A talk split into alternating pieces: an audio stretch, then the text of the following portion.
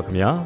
အခုနားဆင်ရမှာကတော့ DNA ရဲ့ 7PM Podcast အတန်လွင့်အစီအစဉ်ပဲဖြစ်ပါတယ်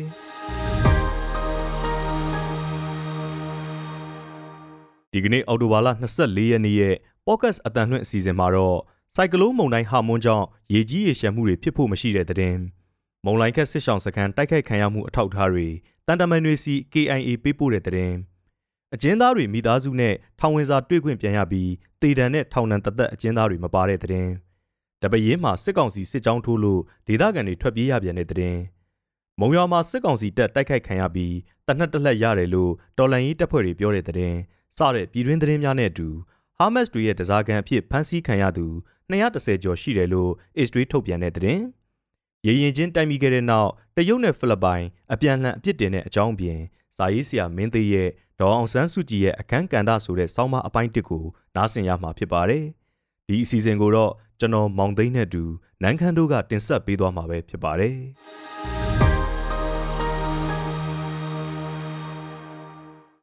အခုပြည်တွင်းသတင်းတွေကိုတင်ဆက်ပေးပါမယ်ရှင်။ပထမဦးဆုံးပြောပြချက်နဲ့အကြောင်းကတော့ဆိုင်ကလုန်းမုန်တိုင်းဟာမွန်းကြောင့်ရေကြီးရေရှမ်းမှုတွေဖြစ်ဖို့မရှိဘူးဆိုတဲ့အကြောင်းပါ။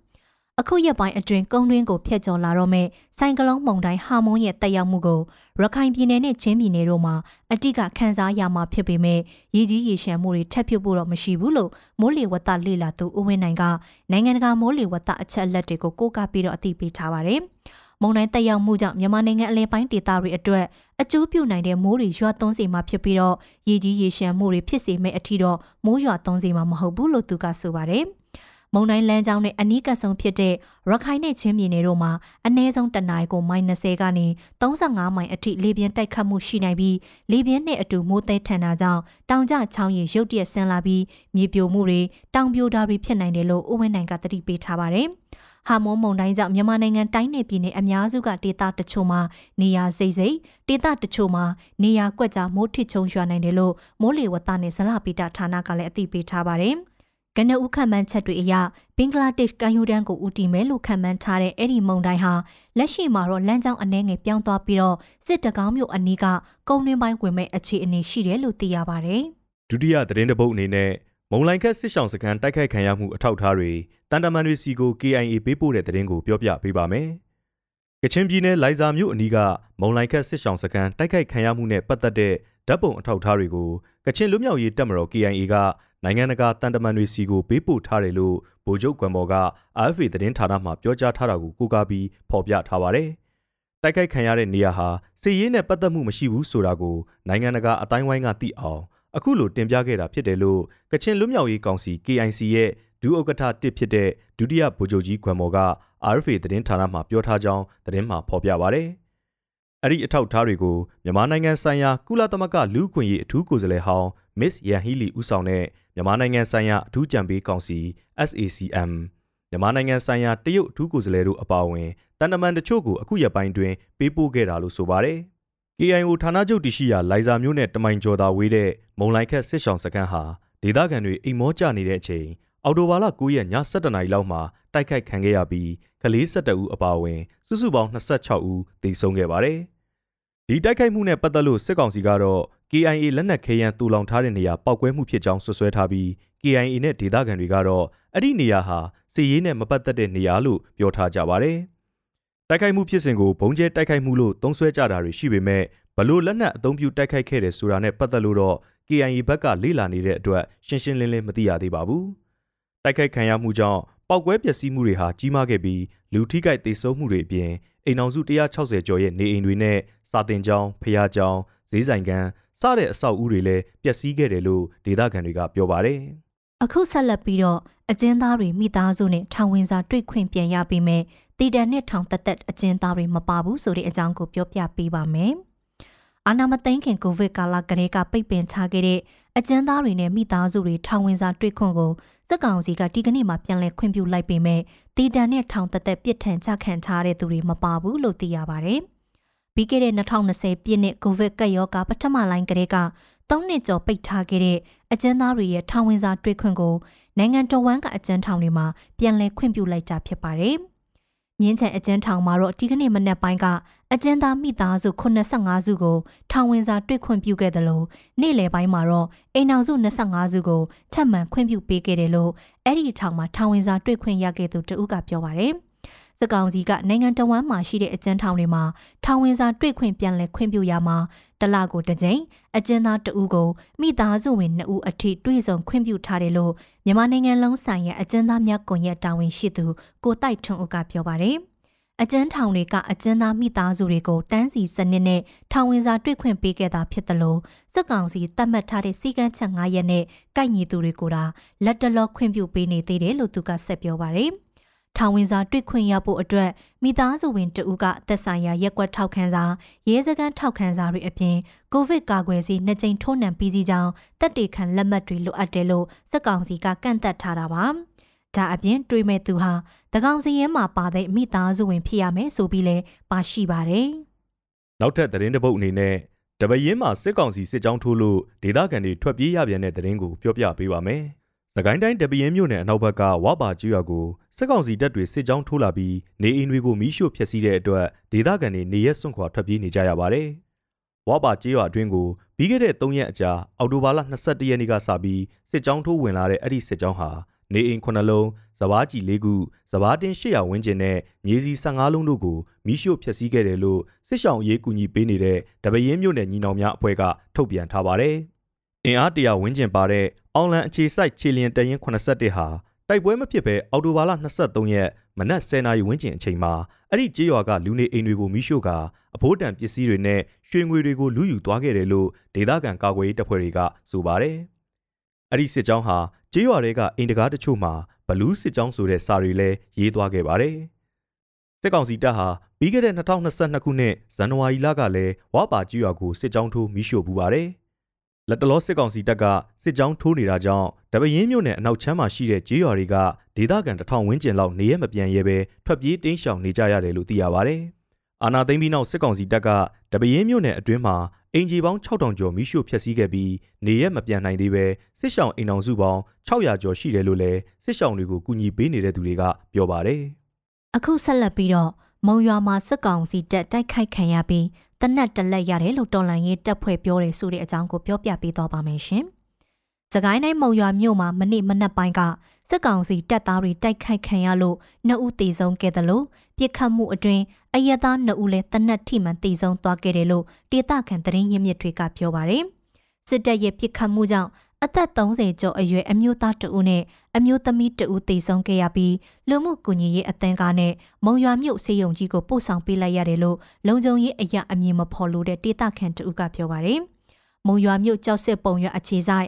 အမတ908အမြောက်တပ်ကနေဒါစီကြီးရွာဖက်ကိုထွက်လာတဲ့စစ်ကောင်စီတပ်ရဲ့နောက်ချန်စစ်ကြောင်းကိုဒါစီလမ်းပေါ်မှာရှိတဲ့ TTC ကျောင်းအနီးမှာခြုံခိုတိုက်ခိုက်ခဲ့တယ်လို့တလာဝတီကာကွယ်ရေးအဖွဲ့ကထုတ်ပြန်ထားပါတယ်။ အဲ့ဒီပြစ်ခတ်မှုမှာစစ်ကောင်စီတပ်ဖွဲ့ဝင်တဦးရဲ့အလောင်းတလောင်းနဲ့ MA1 တနက်တလက်ကြီးပေါက်နဲ့ခဲယမ်းတချို့ကိုတင်စီရရှိခဲ့တယ်လို့တိုက်ခိုက်မှုလှုပ်ဆောင်ခဲ့တဲ့အဲ့ဒီအဖွဲ့ကတပ်ပုံနဲ့တက်ကွထုတ်ပြန်ထားပါတယ်။အဲ့ဒီတိုက်ခိုက်ခံရမှုနဲ့ပတ်သက်ပြီးစစ်ကောင်စီဘက်ကတစုံတရာထုတ်ပေါ်ပြောဆိုတာမရှိသေးပါဘူးစစ်ကောင်စီတပ်တွေဟာ လက်ရှိမှာတာစီကြီးရွာဖက်ကိုစစ်ကြောင်းထိုးဖို့ပြင်ဆင်နေပြီးမြို့ရင်းလမ်းမတွေမှာလည်းလုံခြုံရေးတိုးမြင့်စစ်ဆေးမှုတွေလုပ်နေတယ်လို့မုံရွာမြို့ပြည်သူ့ကာကွယ်ရေးအဖွဲ့ပကဖအဖွဲ့ဝင်တဦးကပြောပါတယ်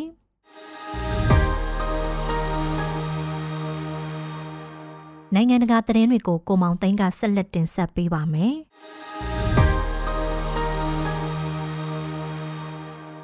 ဟာမတ်စ်ပျောက်ကြားအဖွဲ့ကတစားကန်ဖြစ်ဖမ်းဆီးထားသူအရေအတွက်ဟာ 212ဦးထက်မနည်းရှိတယ်လို့အစ္စရေးစစ်တပ်ကထုတ်ပြန်လိုက်ပါတယ်။အောက်တိုဘာ9ရက်မှာဟာမတ်စ်တွေကဂါဇာနယ်စပ်ကိုဖျက်ကျော်ပြီးအစ္စရေးနယ်စပ်မြို့ရွာတွေကိုအလစ်ငိုက်စီးနင်းခဲ့တယ်လို့ထောင်ထဲချီတဲ့အစ္စရေးပြည်သူတွေကိုတပ်ဖြတ်ပစ်ခဲ့ပါတယ်။ဒါအပြင်နောက်ထပ်ယာကနန်းလောက်ကိုလည်းတစားကန်တွေအဖြစ်ဂါဇာဘက်ကိုဖမ်းဆီးသွားခဲ့ပါတယ်။ အခုသတင်းပတ်မှာတော့အစ္စရေးစစ်တပ်ကပျောက်ဆုံးနေသူ212ဦးရဲ့မိသားစုဝင်တွေကသူတို့ချစ်ခင်သူတွေတစားကန်အဖြစ်ဖမ်းဆီးခံထားရနိုင်တဲ့အခြေအနေတွေကိုသတင်းပေးပို့ထားကြောင်းထုတ်ပြန်ခဲ့ပါတယ်။အများစုကအစ္စရေးနိုင်ငံသားတွေဖြစ်ပြီးနိုင်ငံသားတချို့လည်းပါဝင်နိုင်တယ်လို့အစ္စရေးစစ်တပ်ကဆိုတယ်။ပြီးတော့အခုအရေးအတွက်ကိုနောက်ဆုံးအတိမပြုတ်နိုင်သေးဘူးလို့လည်းသိရပါတယ်။လက်ရှိအချိန်ထိဟာမတ်စ်တွေဟာဖမ်းဆီးထားသူတွေက အအမေရိကန်နိုင်ငံသားသားမိနှစ်ဦးကိုသာကာတာအစိုးရရဲ့ဂျောင်းဝင်စစ်ဆက်ပေးမှုအရပြန်လွှတ်ပေးထားခဲ့ပါတယ်။အစ္စရေးအစိုးရနဲ့စစ်တပ်ကအဲ့ဒီတစားကန်တွေအဖမ်းခံထားရတဲ့နေရာကိုဖော်ထုတ်နိုင်ဖို့နဲ့တစားကန်တွေကိုကယ်ထုတ်ဖို့အစွမ်းကုန်စူးစမ်းနေကြောင်းပြောကြားထားပါတယ်။အစ္စရေးဟာဂါဇာကိုအလုံးရင်ထိုးစစ်ဆင်ဖို့နေဆက်မှာတပ်တွေစုဝေးနေပေမဲ့လည်းတစားကန်တွေရဲ့လုံခြုံရေးကစစ်စင်ရေးတွေအကောင့်ထဲပေါ်ဖို့အတွက်ကြီးမားတဲ့အဟန့်အတားဖြစ်နေပါတယ်။ ဟာမတ်စ်တွေကလည်းအစ္စရေးသာဂါဇာကိုအလုံးရင်နဲ့မြေပြင်ထိုးစစ်ဆင်လာရင်တစားကန်တွေကိုတပ်ပစ်မယ်လို့ချိန်ချောက်ထားပါတယ်။ပိုင်နဲ့အငင်းပွားနေကြတဲ့တောင်တရုတ်ပင်လယ်ရေပြင်မှာနှစ်နိုင်ငံရေရင်တွေတိုက်မိကြတဲ့အပေါ်တရုတ်နဲ့ဖိလစ်ပိုင်တို့ကအပြန်အလှန်ပြစ်တင်ပြောဆိုနေကြပါတယ်။အောက်တိုဘာ22ရက်ကနှစ်နိုင်ငံကမ်းခြေဆောင်တက်ရေရင်တွေချင်းအနီးကပ်အပြိုင်ဆိုင်ခုံမောင်းရင်းတိုက်မိခဲ့ကြတာပါ။ ဒီဖြစ်စဉ်မှာဆိုးဆိုးရွားရွားထိခိုက်မှုတွေမရှိခဲ့ပေမဲ့အန်နီယများလွန်းတဲ့ရန်စမှုမျိုးလို့နှစ်ဖက်စလုံးကအပြိုင်ဆွဆွဲကြပါတယ်။ဖိလစ်ပိုင်အာဏာပိုင်တွေကတရုတ်ကမ်းခြေဆောင်ရေရင်ဟာအန်နီယများလာတဲ့ပိတ်ဆို့နေရာယူမှုမျိုးလုပ်ခဲ့တာကြောင့်အာရူဂျင်တောင်ခုံမှာရှိတဲ့ဖိလစ်ပိုင်တပ်တွေအတွက်စားနပ်ရိက္ခာတွေတည်ယူသွားပေးတဲ့ဖိလစ်ပိုင်ကမ်းခြေဆောင်ရေရင်ကဝင်တိုက်မိခဲ့တာလို့ပြောပါတယ်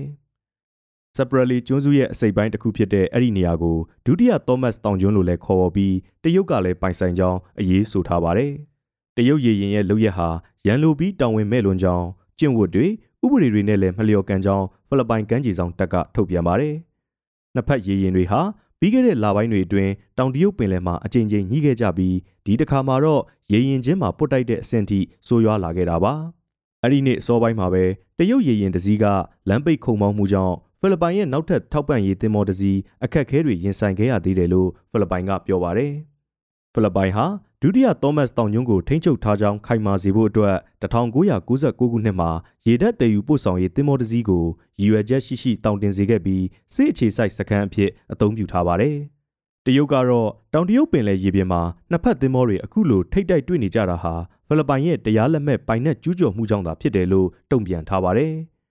ဒုတိယသောမတ်အပါအဝင်တောင်တရုတ်ပင်လယ်ရေပြင်ရဲ့စတူယန်မိုင်1.3တန်းလောက်အကျယ်ဝန်းဟာတရုတ်ရဲ့ပိုင်နက်ဖြစ်တယ်လို့တရုတ်အစိုးရကထုတ်ပြန်ထားပါတယ်။အခုပြဿနာမှာလည်းဖိလစ်ပိုင်ရေရင်ကတရုတ်ပိုင်နန်ရှားကျွန်းစုတွေနဲ့ရီနိုင်းတန်တာကြောက်တန်းသားကနေပိုင်နက်ကျူးလွန်ခုံမောင်းတာကြောင့်တရုတ်ရေရင်ကတာစီရင်တိုက်မိတာလို့တရုတ်ကပြောပါတယ်။ကံအားလျော်စွာပဲရေရင်ချင်းတိုက်မိမှုကတိတ်မပြင်းထန်ခဲ့တယ်လို့ထိကြိုက်ဒဏ်ရာရသူမရှိခဲ့ကြောင်းနှစ်ဖက်စလုံးကအတည်ပြုထားပါတယ်။ အခုဆက်လက်ပြီးစာရေးဆရာမင်းသိရဲ့ဒေါအောင်ဆန်းစုကြည်ရဲ့အခန်းကဏ္ဍဆိုတဲ့ဆောင်းပါးအပိုင်းတစ်ကိုနားဆင်ရမှာပဲဖြစ်ပါတယ်။မင်္ဂလာပါ။ဒီတစ်ပတ်တော့မြမနိုင်ငံရဲ့အခင်းချင်းမှာဒေါအောင်ဆန်းစုကြည်ရဲ့အခန်းကဏ္ဍနဲ့ပတ်သက်ပြီးဝေဖန်သုံးသပ်ထားတဲ့ဆောင်းပါးတစ်ပုဒ်ကိုဖတ်ပြချင်ပါတယ်။ကျွန်တော်မင်းသိပါ။လက်ရှိမြမနိုင်ငံရဲ့အခင်းချင်းမှာ ဒေါအောင်ဆန်းစုကြည်ရဲ့အခန်းကဏ္ဍနဲ့ပတ်သက်ပြီးတင်ပြခြင်းတာရှိပါတယ်။အပိုင်းခုနှစ်ပိုင်းခွဲပြီးတင်ပြခြင်းပါတယ်။အပိုင်း1လူထုသဘောဒေါအောင်ဆန်းစုကြည်နဲ့ပတ်သက်ပြီးတာမန်ပြည်သူလူထုအများစုရဲ့သဘောထားကတော့ဒေါအောင်ဆန်းစုကြည်ကိုမမေ့သေးပါဘူး။သူတို့ကဒေါအောင်ဆန်းစုကြည်ကိုချစ်တယ်လေးစားတယ်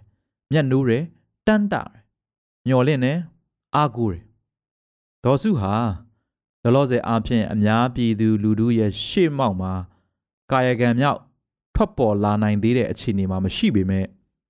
ဒေါ်စုအပေါ်တာမန်အများပြည်သူလူထုကတော့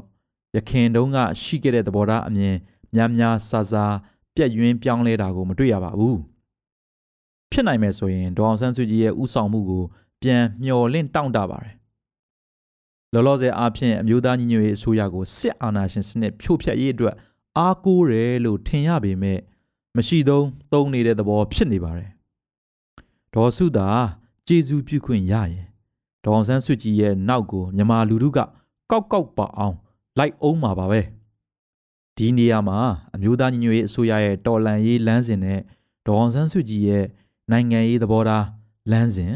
မဟာဗျူဟာဘလောက်ထက်တူကြတယ်လဲဆိုတာကိုမေးခွန်းထုတ်ရပါလိမ့်မယ်။တေချာပေါက်ပြောနိုင်တာက အမျိုးသားညီညွတ်ရေးအစိုးရအဖွဲ့ဝင်တွေထဲမှာဒေါ်စုရဲ့ရခင်တီစဲယာဒူးနေရာဖြစ်တဲ့အတိုင်ပင်ခံပုဂ္ဂိုလ်ဆိုတာကိုဇွတ်အတင်းထည့်သွင်းထားတာဖြစ်ပေမဲ့ NUG ညီမြချင်းဒေါ်စုရဲလို့ပုံသေးတွက်လို့မရဘူးဆိုတဲ့အချက်ကိုသိစေချင်ပါတယ်အပိုင်းနဲ့မျက်နှာသစ်နိုင်ငံရေးသမားတွေရဲ့အခန်းကဏ္ဍ 2021ဆရာနာသိမ်းပြီးနောက်ပိုင်းမှာຫນွေဦးတော်လိုင်းရေးလှုပ်ရှားမှုကြီးပေါ်ပေါက်လာပါတယ်။ຫນွေဦးတော်လိုင်းရေးလှုပ်ရှားမှုကြီးဟာမျက်နှာသစ်နိုင်ငံရေးသမားတွေနဲ့မျက်နှာသစ်တော်လန်ရေးမျိုးဆက်ကိုမွေးဖွားပေးလိုက်ပါတယ်။လူလူကြားတဲ့ကတော့၎င်း၊ចောင်းသားတို့ကြားတဲ့ကတော့၎င်း၊ community နယ်တဲ့ကတော့၎င်းထွက်ပေါ်လာတဲ့မျက်နှာသစ်နိုင်ငံရေးသမားတွေအမြောက်အများပေါ်ထွက်လာပါတယ်။နိုင်ငံရေးသွေးသစ်တွေအမြောက်အများပေါ်ထွက်လာပါတယ်။ ဒီဖြစ်စဉ်ဟာမြန်မာနိုင်ငံရေးအခင်းချင်းမှာလွှမ်းမိုးနေတဲ့ဒေါအောင်ဆန်းစုကြည်ရဲ့နိုင်ငံရေးအခမ်းကဏ္ဍနဲ့တိုက်ရိုက်အားဖြင့်တော်၎င်းတွယ်ဝိုက်အားဖြင့်တော်၎င်းတိုက်ရောက်နေပါတယ်ဒေါအောင်ဆန်းစုကြည်ဟာသွေးသစ်နိုင်ငံရေးအုပ်စုတဲမှာမပါတော့ပါဘူးသွေးဟောင်းနိုင်ငံရေးအုပ်စုတဲကအေဂရီဖြစ်ပါတယ်အခုတော့အေဂရီဟောင်းဖြစ်သွားပြီလားမပြောတတ်ပါຫນွေဦးတော်လန်ရေးမှာမျက်နှာသစ်နိုင်ငံရေးသမားသစ်တွေ ပေါ်ထွက်လာခြင်းဟာဒေါအောင်ဆန်းစုကြည်ရဲ့နိုင်ငံရေးအခမ်းကဏ္ဍကိုတွဲဝိုက်သောနီးအားဖြင့်တက်ရောက်မှုရှိပါတယ်။မျက်နှာသစ်နိုင်ငံရေးသမားတွေထဲမှာဒေါ်စုအလွန်နိုင်ငံရေးအခင်းချင်းကိုအများပြားထည့်သွင်းစဉ်းစားလာကြတာကို တွေ့ရပါတယ်။ဒါအပြင်ဒေါ်စုရဲ့အသက်အရွယ်နဲ့လုံနိုင်ကိုင်နိုင်စွမ်းအရာအကန့်အသတ်တွေရှိလာပြီဆိုတာကိုမျိုးဆက်သစ်နိုင်ငံရေးသမားတွေကရှုမြင်လာပါတယ်။ဒေါ်စုဟာ တိုင်းပြည်နဲ့လူဖွဲ့စည်းကိုကျေးဇူးပြုတဲ့သည့်ထက်ပိုသောကျေးဇူးပြုမှုရှိခဲ့ပြီးပြီဒါကြောင့်ထပ်ပြီးမမျော်လင့်သင့်တော်ဘူးထပ်ပြီးအာမကိုသင့်တော်ဘူးဒေါ်စုဗဟိုပြုနိုင်ငံရေးအခင်းချင်းဟာလဲတော်သင့်ပြီရက်သင့်ပြီလို့ထင်မြင်ယူဆထားကြပါတယ်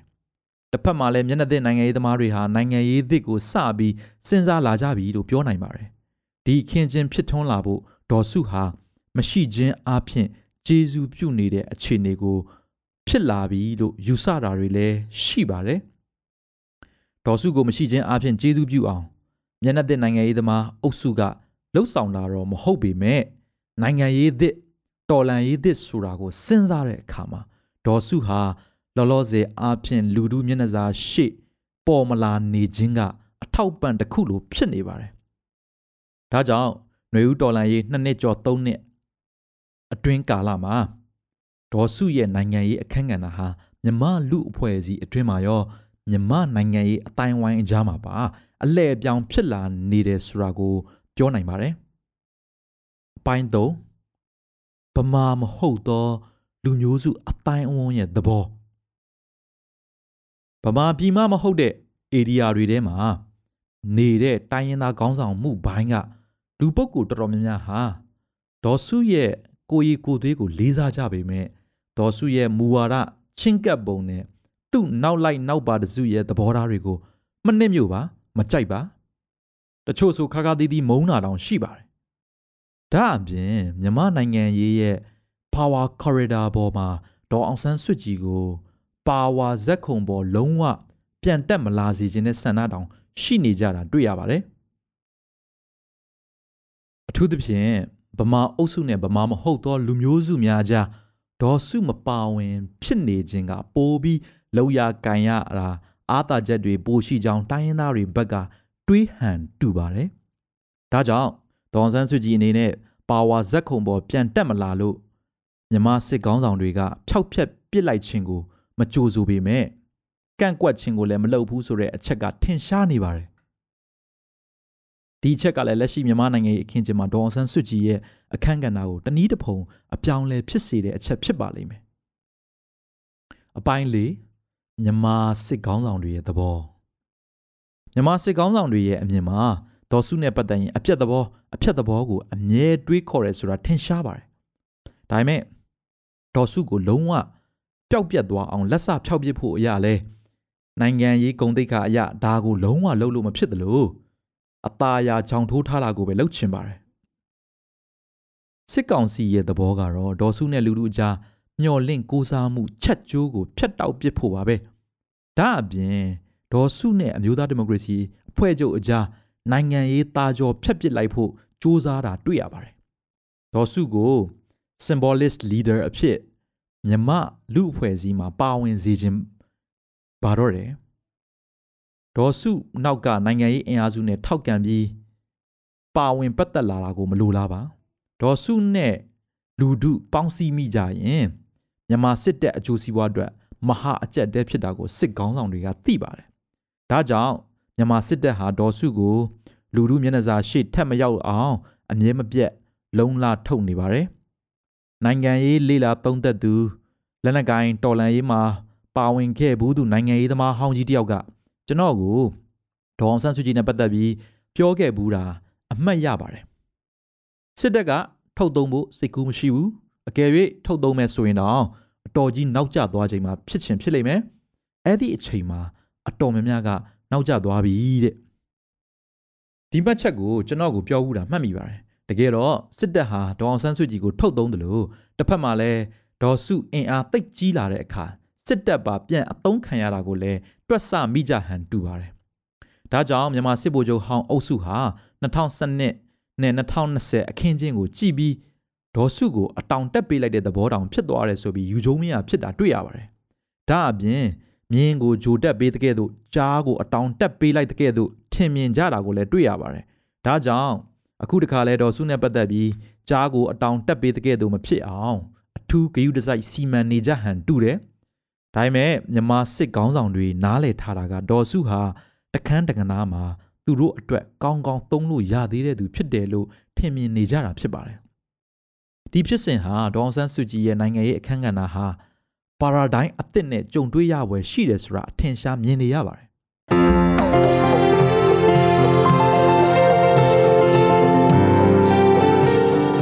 ဒီ DNA ရဲ့ podcast အတန်လွင့်အစီအစဉ်ကိုအပတ်စဉ်တနင်္လာနေ့ကနေ တောက်ကြနေ့ည9:00နာရီတိုင်းမှာတင်ဆက်ပေးသွားမှာပဲဖြစ်ပါတယ်